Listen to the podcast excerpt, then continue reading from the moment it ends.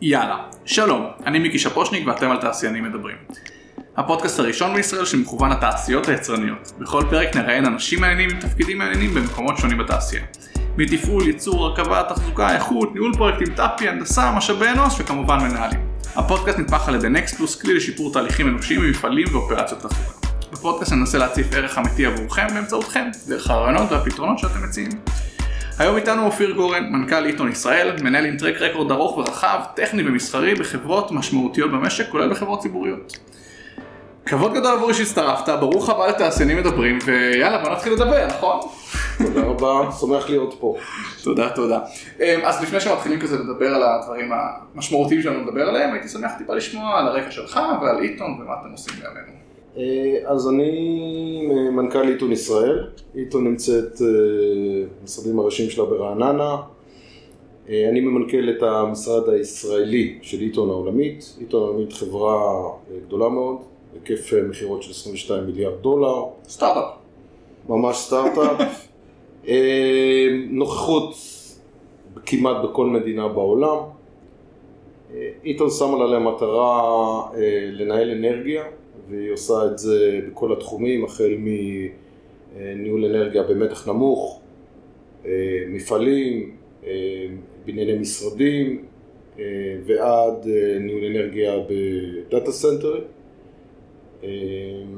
אנחנו גם בתחום אגירת אנרגיה, בתחום טעינת רכבים חשמליים, בתחום תאורת חירום.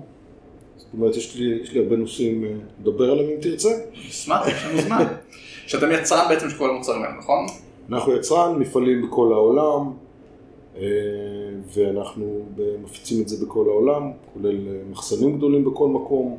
בישראל יש פעילות ייצור גם? בישראל יש פעילות פיתוח. אה, פעילות הייצור היא לא בישראל, היא בעיקר באירופה ובאסיה. שכמה אנשים אתם בארץ? אנחנו בארץ כ-30 איש. שזה בעיקר R&D וסיילס אני מניח? זה... בעיקר סיילס, מעט R&D אה, וכל היחידות התומכות, supply chain וכספים, כל הדברים האלה. כמובן. רקע שלך אם אפשר לשאול טיפה? אני בהכשרה שלי, אה, יש לי תואר ראשון בהנדסת חשמל. המסלול המקצועי שלי הוא מסלול של מכירות, בשלב מסוים אה, מהר מהר הבינו שהמהנדס הזה אולי יכול גם למכור ולשווק.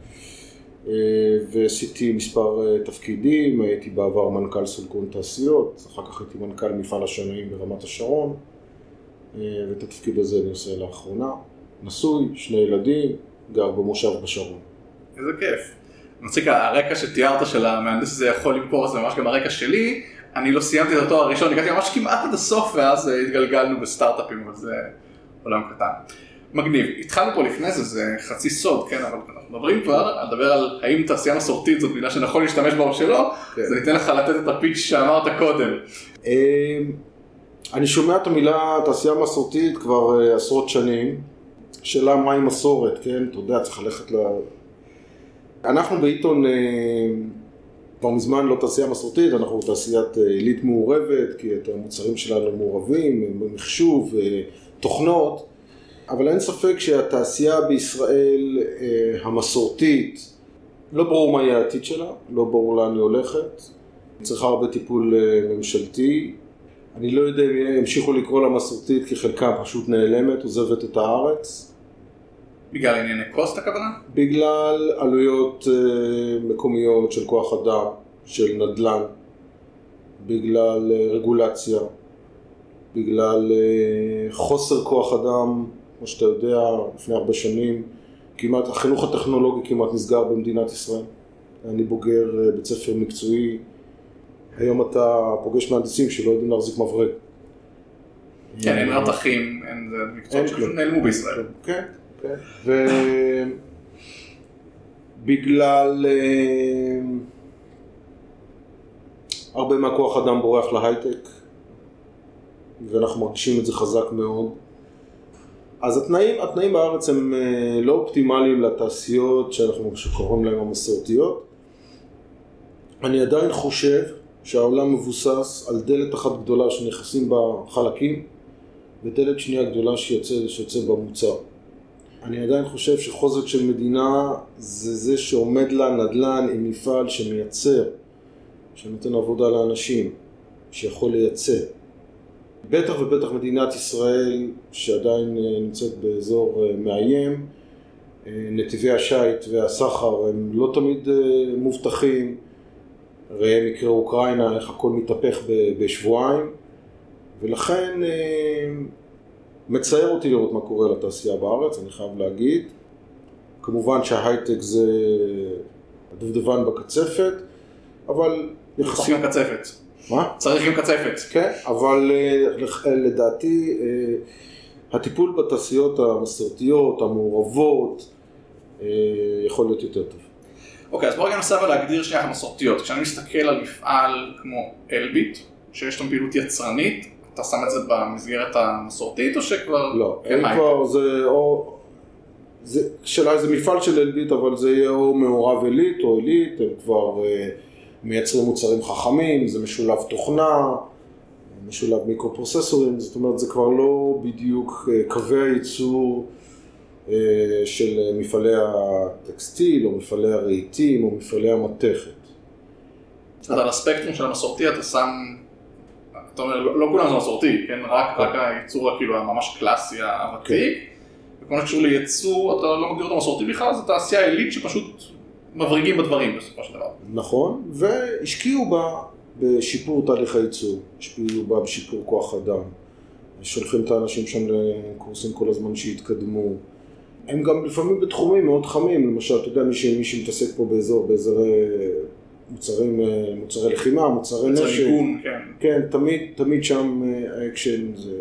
התחרות היא פחות אה, קשה מכיוון אסיה, אם אתה מייצר בארץ איזה טקסטיל או רהיטים או דברים כאלה. אז לכן זה על הספקטרום, אבל גם להם מתחיל להיות לא קל. גם לעילית וגם ל... זה בגלל, בגלל המצב הכללי, הטיפול הזה. אוקיי. Okay.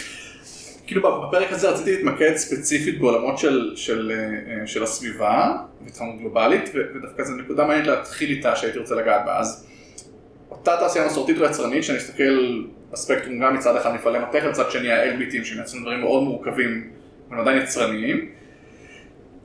איך, איך אתה, כאילו איזה טכנולוגיות יש להם היום, בין אם אתם מציעים ובין אם עם, כאילו, גופים אחרים, כדי להתמודד עם אתגרים של פגיעה סביבתית. בסוף מפעל מתכת יש לו, כאילו, משמעות סביבתית כבדה סביבו נקודתית, נכון? בטח מפעלים כימיים זה בכלל משמעותי מאוד, ועד למפעל שמייצר צ'יפים, זה ממש כן. הספקטרום כולו.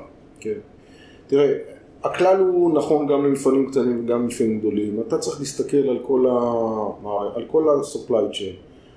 אני הייתי מתחיל עם זה שאתה תסתכל מי הספקים שלך, כמה הספקים שלך שומרים על הסביבה.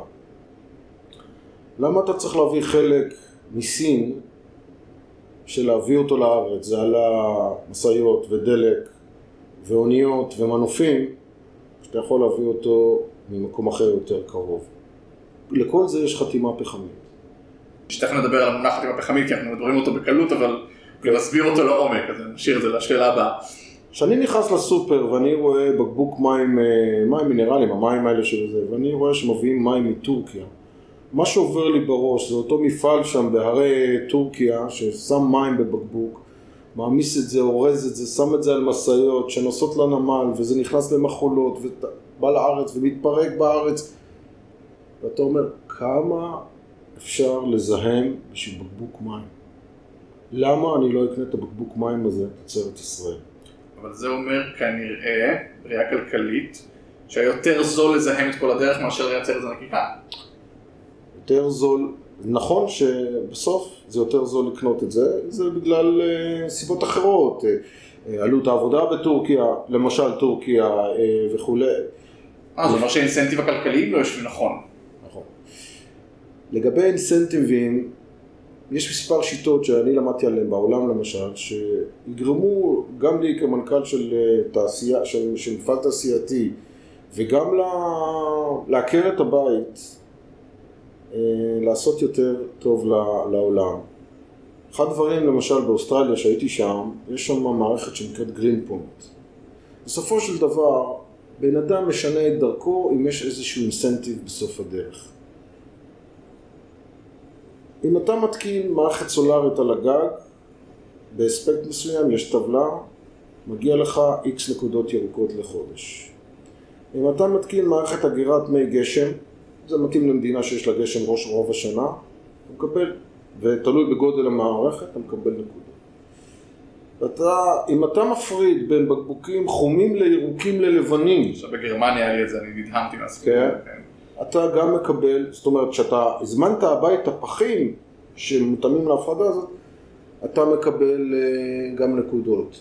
דרך אגב, ההפרדה הזאת גם נמדדת כשבאה משאית הזבל לה- להרים את הפח, יש לה מצלמת וידאו שמסתכלת לתוך הפח וסורקת, רואה אם באמת אתה מפריד כמו שצריך, אם לא, הם משאירים לך את הפח ככה כמו שהוא. מה עושים עם כל הנקודות הירוקות האלה? כל הנקודות הירוקות האלה הן שכירות. יש ממש שוק של גרין פוינט. אוקיי. והשוק הזה, עכשיו מי קונה את הנקודות האלה? יש לך עכשיו איזה מפעל שהוא מזהם. למה? זה התהליך שלו. באים אליו הרגול, הרגולטור, בא אליו ואומר לו, אתה חייב להוריד את הזיהום, או שאתה בונה פה איזה מתקן טיהור שפכים או זה, או שאתה משלם לנו green points. שזה בעצם קונה מה... ה green points האלה נסחרות ממש, ב... לא בבורסה, אבל יש להם מחיר יומי. כי ככל שהביקוש עולה, המחיר עולה. מה, זה באוסטרליה או שאתה עכשיו? זה באוסטרליה, זה כבר שנים, והם פשוט בפטיש על זה, אה, לצבור את הגרין פוינט. עכשיו, זה הולך בשני כיוונים, אחד, בסוף נכנס הביתה עוד 100 דולר, עוד 200 דולר לחודש. והדבר השני, גם עשית טוב לעולם ולעתיד של הילדים שלך. זה דוגמה של אינסנטיב שהייתי, אה, שמראה שהאדם ישנה דרכו, אנחנו נעשה דברים אחרת, שיהיה איזה return on investment. אה, ולא תמיד אה, פעולות להצלת הסביבה מביאות לך איזשהו אינסנטיב כזה מיידי שגורמות לך לפעול. זה- זה זה- בדיוק אגב, כשאני מסתכל על תעשייה ישראלית, אני לא רואה ROI בשביל תעשיין ישראלי נכון. לדאוג לסביבה. בהחלט. ה-ROI היחידי זה להיזהר שלא, זה להיזהר לא כן. שהרגולטור בא תהיה בסדר. אז למשל, אה, אני עבדתי פעם, אני נתקלתי פעם מפעל שהיה לו הרבה שמן, מפעל שנאים, אז תמיד הקפדת על ה... את השם בעברית. אגנים כאלה לא... אגנים שתופסים את השמן, אה, והקפדת שאם השתמשת באיזשהם חומרים כימיים לשטיפה, שזה ילך למכלים הנכונים. למה לקחתי את כל הנחושת ומחזרתי אותה? כי זה הפך לכסף. כי זה כסף, לא כי... כן, למה לקחתי את כל המתכת? כי זה הפך לכסף. למה מכרתי משטחים משומשים, משטחים פלטס? כי אפשר לעשות מזה כסף. אז uh, הסיבה היא, uh, הס- הסיבה צריכה להיות, כרגע אין שום דבר, בוא נניח, מאורגן בצורה שבא המנכ"ל של מפעל בבוקר ואומר, בוא נעשה יותר טוב על מנת שאני יכול להרוויח מזה. זה עדיין לא קיים. שזה בעיית רגולציה אתה שם את זה או שאיפה אתה מניח את זה? כי נגיד הגרין פוינטס זה הרגולטור יצר באוסטרליה, זה כן. לא נולד מהאנשים. כן, זה בעיה תכנונית אה, שמישהו שצריך להסתכל על התמונה מלמעלה, מגובה הלוויין, לראות את כל השילובים בין כל המפעלים, הקטנים, הגדולים, איך משתפים בהם, איך משתפים בהם, ביניהם פעולה. אנחנו עלולים להישמע כמו פרו רגולציה, זה סכנה גדולה. שמע, אני בהחלט אה, תומך ברגולציה במקרים מסוימים. אתן לך דוגמה. מקימים עכשיו בארץ הרבה data centers. וכל data center זה הוא צרכן אנרגיה ענק. אני גיליתי אגב שעומר אדם הוא שחקן ענק בעולם נדל"ן ה data centers, במלוא הרצינות שזה קטע מטורף. כן, תשמע. זה נכון שהרבה מהנדל"ן הולך לזה, כי יש שם עכשיו הרבה כסף, וההשקעה בכזה מקום היא אדירה, לא רק ברכיבי IT, אתה צריך למזג את המקום, השקעת אנרגיה גדולה מאוד. ולדעתי הרגולטור צריך להסתכל על השקעת אנרגיה גם כמשאב. לא יכול להיות שכל אחד יבנה data center ויגיד, טוב, פה אני צריך עשרה מגוואט, פה אני צריך חמישה מגוואט. האם באמת מדינת ישראל צריכה כל כך הרבה data center? האם אני פה בונה data center לשרת אה, לקוחות אירופאים ואסייתים, אבל, אחלה line of business, אנחנו מרוויח מזה אבל באותו. זמן, באותו זמן מזהם, צורך הרבה אנרגיה ומזהם פה את הסביבה? אני רוצה לתקוף את השאלה במקום אחר, של האם זה שווה לי, התשובה היא כן, אני מרוויח מזה, פשוט אני צריך לדאוג שהאנרגיה שתגיע תהיה אנרגיה מתחדשת. ופה אנחנו נכנסים. בהחלט Eaton פה היא שחקנית. אנחנו יודעים לנהל אנרגיה, ואנחנו עובדים חזק מאוד על מה שנקרא Decarbonization, שזה הורדת הפליטה הפחמית. כי, כי תראה, מה השתנה בעיקר? פעם היה תחנת כוח והיו צרכנים. היום כל צרכן הוא הופך להיות גם יצרן. גם יצרן. כמו שאני בבית שמתי סולארי. יפה. עכשיו צריך לנהל את זה. פתאום יש שמש בבאר שבע, אין, אין שמש בחיפה. פתאום יש שמש בכל הארץ, אבל איזה ענן עובר לרגע. צריך לדעת לנהל את זה, צריך לדעת לאגור את זה, כי המון, המון פעמים יש לך את האנרגיה, אבל אין צריכה כרגע. אתה רוצה לשמור את זה ללילה כשאין לך שמש. נכון. ואז אנחנו נכנסים לנושא של אגירת אנרגיה. אה, אנחנו באיתון חזקים מאוד בנושא הזה, באירופה אנחנו בין המובילים. אתם יצרנים של, של ליפולי כאילו? ש... אנחנו יצרנים של, אה, אנחנו יכולים לספק אה, מכולה שכוללת בתוכה 4 מגוואט אגירת אנרגיה עם אמיר. על איזה טכנולוגיה? סוללות. ואנחנו מניחים את המכולה הזאת בחצר של הקניון. ואנחנו מניחים אותה בכל מיני מקומות אחרים, והיא אוגרת כשהיא יכולה, והיא משחררת, בטח ובטח שיש את הנושא של תעוז, של רכישת חשמל ושפל וגוד, אז אתה רוצה לשחרר מתוך האגירת אנרגיה הזאתי, כשאתה מרוויח הכי הרבה. כשאתה מרוויח הרבה. עכשיו תראה, אם יש לך במתקן לוח, לוחות פוטו-וולטאיים, אז גם החשמל הזה יגיע לך בגדול בחינם. מהלוחות הפוטו-וולטאיים אתה טוען את האגירת אנרגיה ואתה משחרר אותה לצרכנים במקום חברת חשמל. יש לי סיבה לשים את זה אם אין לי פוטו-וולטאים? סליחה? יש לי סיבה לשים כזה אם אין לי פוטו-וולטאים? יש לך סיבה, אה, אתה יכול... קונה בזול מוכר ביקר? יפה. מישהו אשכרה עושה את זה? עוד לא עושים את זה, כי המודל העסקי של ה-return on investment, בגלל העלות של הסוללות... בגלל הפער זה עוד לא שווה את זה. אבל, היום עובדים על טכנולוגיית סוללות בכל המכונים הכי מתקדמים בעולם, ברמה של מדינות. המטרה היא להכניס כמה שיותר אנרגיה בפחות, בקובייה יותר קטנה. דולר לבד, כאילו, זה ה... ואז אה, עלויות הייצור אה, ירדו, והן כבר יורדות, אתה רואה כבר את הגרפים של הסוללות מתמוטטים, גם בגלל שהמחיר היה נהדר, נפתחו הרבה מפעלים ומתחילה תחרות. עכשיו יש עודף היצע, כן. כן, כוחות השוק עושים את שלהם. ולכן אה, לא ירחק היום שיהיה כדאי אה, לשים אה, אגירת אנרגיה גם ללא... רק לצורך אגירה, כן. השלב הבא, לדעתי, אחרי הסוללות, הוא שלב המימן. אחת הבעיות היא לשנע את האנרגיה הזאת. הסוללות האלה יושבות באיזה מתקן, וקשה לך להעביר אותה ממקום למקום. כמו שלמשל אתה מעביר גז. אתה מעביר גז בכל הארץ, משתמש בו, זה אנרגיה זמינה. המודל ששואפים אליו הוא כזה, תחנות גדולות, אה, תחנות כוח גדולות ב-renewable, באנרגיה מתחדשת, אה, של רוח או של אה, סולארי. בארץ פחות רוח, כי אין לנו, אין לנו את ה... אנחנו לא חזקים בזה. כן. האנרגיה שהן מייצרות, מפרקות מים למימן וחמצן. מקומית כאילו. מקומית בתחנה. אוקיי. את המימן אתה אוגר, כן. הנה אגירת אנרגיה. כן, עשית תהליך אנרגטי ש... אתה רוצה, תביא מכלית, תעמיס את המימן הזה ותיסע לתחנת דלק, כי גם המכוניות יעברו למימן. כן. הטויוטה חזקים בזה עכשיו. וגם יונדאי, כן, הם כבר הודיעו שב-2030 הם, הם בכלל, הם, הם יורדים מהסולארי ועוברים למימן. וואו. אתה רוצה להעביר מימן בכל הארץ, כמו שאתה מעביר היום גז, אתה יכול להעביר מימן. של צינור, כן. המימן הזה מגיע ליעדו, ואז שם אתה עם המימן הזה עושה את התהליך הפוך ומייצר אנרגיה. זו, זה אחד הפתרונות, המימן הוא אחד הפתרונות, הוא יחסית, אה, אה, כשאתה צורך מימן, בעצם אתה גורם לתהליך הפוך, שבסופו של דבר היציאה ממנו היא מים. זה לא מזהם בעצם, ב-definition. וזה חלק מהדברים ש, שמדברים עליהם, דברים מאוד מאוד מעניינים. כשה, כשהאנרגיה הזאת והמימן הזה למשל יכול להגיע לבניין מסחרי גדול ובמרתף של הבניין יש גנרטור שמייצר חשמל. חשמל ומים. כן, משם, משם נכנסים למשל מערכות כמו של עיתון שיודעות לחלק את האנרגיה נכון בבניין, לבדוק, לבדוק את הנצילות של הדברים, איך פועל המיזוג, אה, לבצע הגנות, אה, הגנות חשמליות, הגנות מכניות. בסופו של דבר זה יהיה שם המשחק, כי אין ספק שלא יהיה מספיק חשמל ולטפל בכל צרכני החשמל שבהם. כן, אילון מאסק מדבר על בערך פי אלף אגירה ממה שיש לנו היום, אז אתה אומר זה לא בהכרח יהיה בליפולי, זה יהיה במימן וזה בעוד כאילו מדיומים שונים. התעשייה של הסוללות וגם המחזור של הסוללות היא זה פוטפרינט מטורף של זה. מזהמת כנראה הרבה יותר ממה שאנחנו עושים היום. בטח ובטח אם זה מפעלים באסיה בכל מיני מקומות שהרגולטור לא- שהרגולטור לא, לא לוחץ.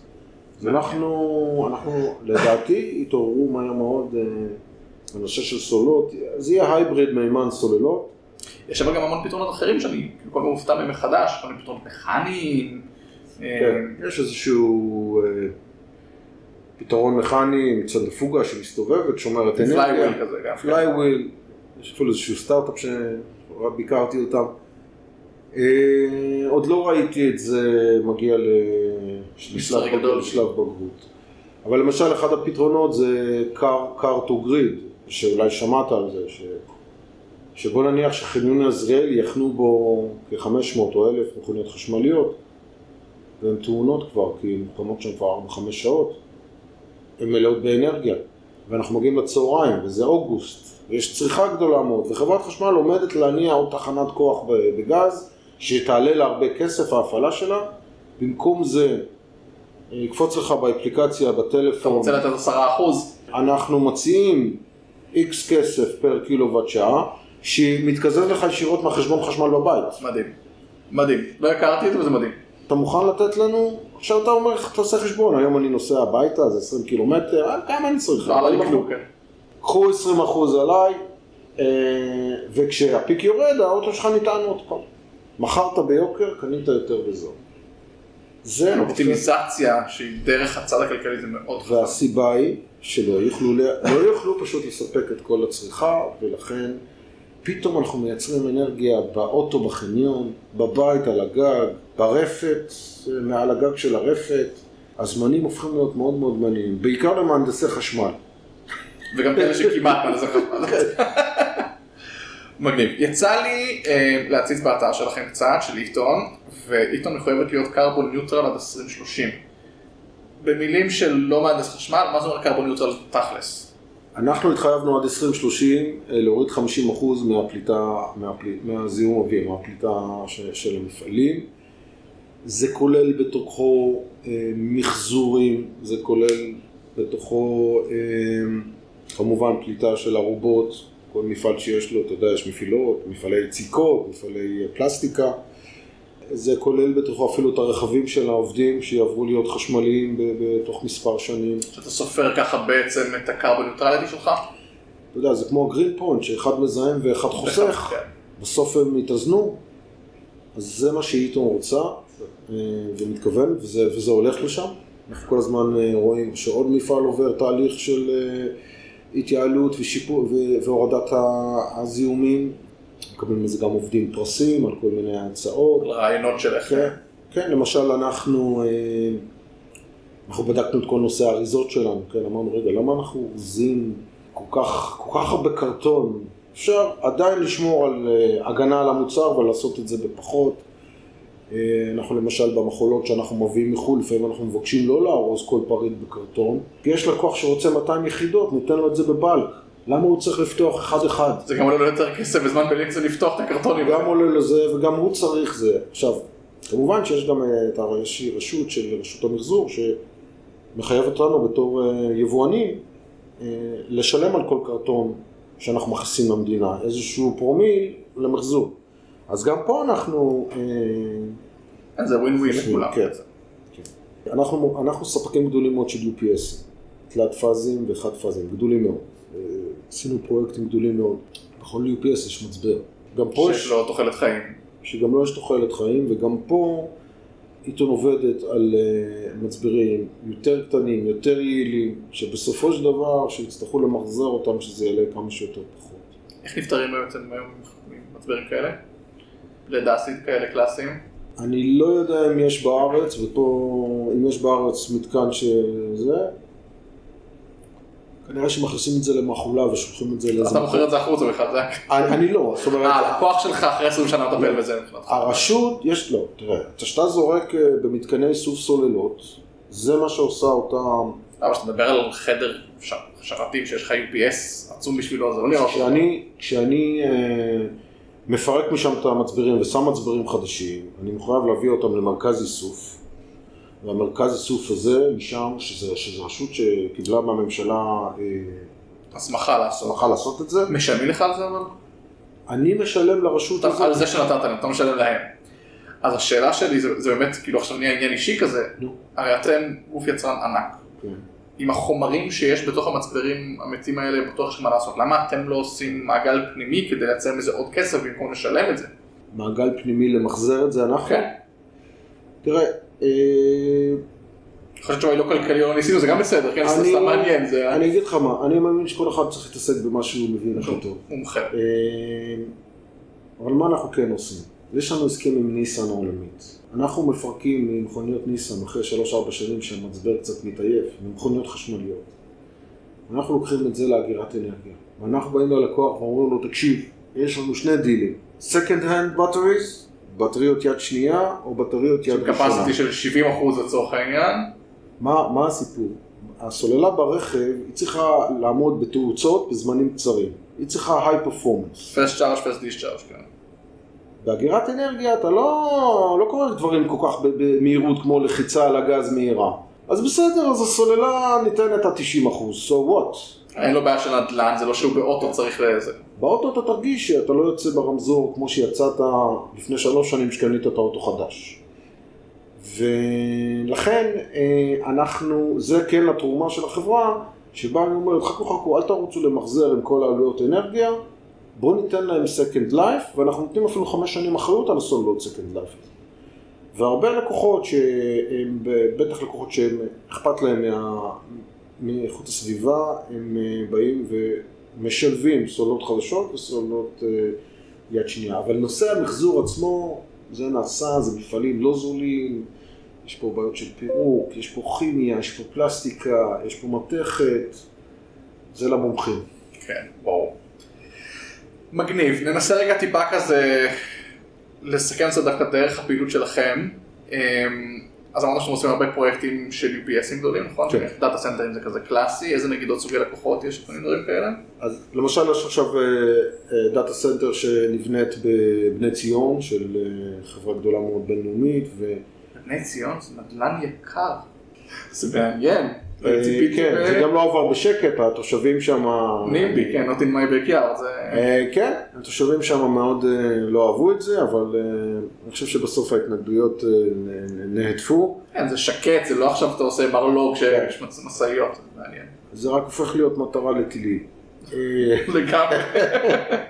אז אנחנו, במקום כזה למשל, אנחנו נספק את ה-UPS ים הגדולים התלת פאזים, אנחנו נספק אה, אה, רקים וציוד של data center, אנחנו נספק את לוחות החשמל מתח נמוך, נמוך זה לא 220 וולט, נכון? עד 400 וולט, לא- לא לא כולם מבינים, זה לא 12 וולט, זה... אלה הלוחות שמשם, כן, 12 וולט נקרא נמוך מאוד. אה, אלה הלוחות שמספקים אה, חשמל לכל אה, כל המערכות, וכמובן נוכל לספק את הארונות, את לוחות המתח הגבוה שמתחברים בעצם לכניסה מחברת חשמל. זאת אומרת, יש שם total solution. אותו דבר במפעלים. שאתם עושים גם את שלב ההנדסה של זה, או שהם מוכרים פשוט ברזל לצורך העניין? אנחנו בעיקר עונים על מפרטים טכניים. כמובן שכל היועצים והמתכננים מתייעצים איתנו. הם כל הזמן רוצים לשמוע מה חדש. אחד הדברים שמאוד מאוד אנחנו שמים עליהם לב זה אה, בטיחות. יש לנו מספר אה, רכיבים בתוך לוחות החשמל, גם המתח הגבוה וגם המתח הנמוך, דברים ש... יש מושג שנקרא ארקון. אה, אנחנו שומרים על המשתמש, האדם חשוב לנו מאוד. אתה בטח יודע שקצר חשמלי בארון יכול להתפתח, הארון יכול לעלות באש, הדלת יכולה לעוף, ואנחנו נמצאים שם עם כל מיני דברים. אז אנחנו משקיעים בבטיחות, אנחנו אה, מנסים לייצר את המערכות מאוד יעילות אה, מבחינה אנרגטית. פרויקטים אחרים שאנחנו עושים, אנחנו עשינו את הקו האדום, את כל מערכות החשמל לקו האדום של הרכבת של נת"ע? הקלה. אה, בכל תחנה, בכל עשרות התחנות יש ציוד שלנו, גם אה, מתח גבוה, גם מתח נמוך. גם על הקווים עצמם בעצם? לא. המערכות, כשאתה עושה רכבת, יש מערכות ההנעה שהן תמיד made ל- לתנאים של רכבת, ויש את המערכות התשתיות הסביבתיות שצריכות להביא חשמל. שם אנחנו, אנחנו בתשתיות. אנחנו עושים עכשיו את אה, כביש 16, עשינו מספר פרויקט, עשינו הרבה פרויקטים אה, למדינה, כל מיני מקומות. תיאור, תיאור השפד"ן, זה פרויקט שלנו. אחד הדברים שאנחנו מביאים על מנת לשלוט באנרגיה זה לוחות חכמים. אה, זאת אומרת, לוחות שאתה כבר לא צריך לכבט עם חוט נחושת, יש לך פלט קייבל, אוקיי. Okay. אתה משרשר את כל רכיבי הלוח והם מדברים ביניהם בתקשורת. זמן ההרכבה של לוח כזה, רבע זמן מזמן ההרכבה שלו. אה, זה Game Changer בקוסט. זה Game Changer, בטח ובטח באווירה ישראלית שאין כוח אדם ואין אנשים וכולי וכולי. אז עשינו פרויקט אה, תיאור שפכים גדול מאוד, יש לנו נתח גדול מאוד מכל תחנות הסולריות בארץ, אה, במתח גבוה, אז כל התחנות הפרטיות שקמות וזה, אז אנחנו שם שחקנים חזקים מאוד. ועוד ועוד, אנחנו מאוד מאוד עסוקים, מתפתחים, מגייסים אנשים. האמת שהזדמנות טובה, אתה רוצה שנשים לינק, אני מניח, כזה לגיוס שלכם? איזה תפקידים אתם מחפשים? אנחנו מחפשים מהנדסי מכירות אה, בתחום המתח הנמוך, בתחום הבוני מכונות. אני אתן לך עוד דוגמה, אה, אתה יודע, יש חברות כמו HP, כמו סייטקס שמייצרות מכונות גדולות, מכונות מאוד חכמות, אנחנו מספקים שם את כל רכיבי החשמל. הבנתי, כיחידה אחת בעצם מתוך המערך שלהם. כן, המכונה היא מכונה ויש לה מערכת חשמל, עכשיו מערכת החשמל הזאת צריכה להיות אה, זהה, כי המכונות האלה, אחת יוצאת לאירופה, אחת לאסיה, אתה לא יכול לשלוח לזה א' ולזה ב'. צריכה לקבל גם 220, גם 110, גם 50, גם 60. אלה חברות אה, מאוד דימנדיות, מאוד רציניות, ואנחנו יודעים ורוצים לשרת אותן הכי טוב, כמו החברות הגדולות האלה. סיפקנו ציוד לנמלים החדשים, הבניינים החדשים של מייקרוסופט, כל ה-UPSים שם, עשרות עבודות, אה, ובשנתיים של הקורונה... הייתה שאלת סיכום שלי, לקחת לי אותה יפה. אה, אוקיי. בשנתיים של הקורונה אנחנו חשבנו שזהו, סוף העולם. היו לנו שנתיים הכי טובות אי פעם, כי א', תשתיות רצו מאוד מהר, לא הייתה תנועה. כל חברות התשתיות בארץ נתנו את הגז של החיים. כן, לא צריך לכוון, לא, גם לא צריך לכוון תנועה, אין תנועה, תקשיב על זה. אתה יודע, יש מקומות שלפעמים אתה עושה איזה מנהרה, אתה עושה אותה רק בלילה. אתה יודע, אתה לא יכול לעשות פה פקק מפה עד תל אביב. יש סגר. יש סגר, עובדים. אה, לכן הקו האדום מתקדם מהר וכולי. אה, הרבה מפעלים ניצלו את התקופה לשיפוצים, הרחבות ותחזוקה. אה, ולכן הייתה המון המון המון עבודה, ואני לא רוצה שהתקופה הזאת תחזור, כמובן מבחינת המגפה, אבל בהחלט למדנו הרבה. למדנו מה זה לתמוך בעובדים שלנו, שפתאום זה חולה לו, וזה אנשים מבוגרים במשפחה חולים, וילד חולה. כן, מורכבויות גדולות היו. למדנו להישאר ביחד מרחוק.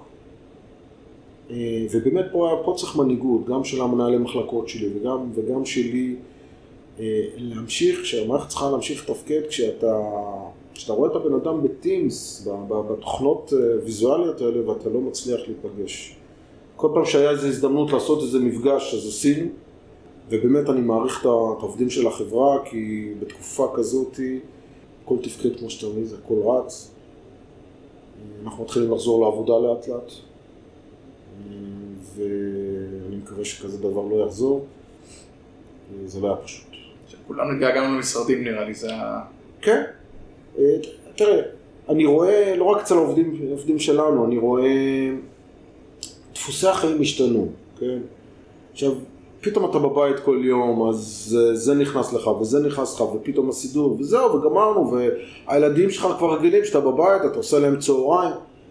כן, אין לי בעיה, הכל, אה, הכל בסדר גמור, אבל בסופו של דבר, מאחר שאנחנו יחסית צוות לא גדול גם, עבודת הצוות מאוד חשובה. אתה קם מהכיסא, ניגש למשרד ליד, מדבר, מדבר עם אחד המנהלים שלך, סוגר עניינים בשלוש שניות.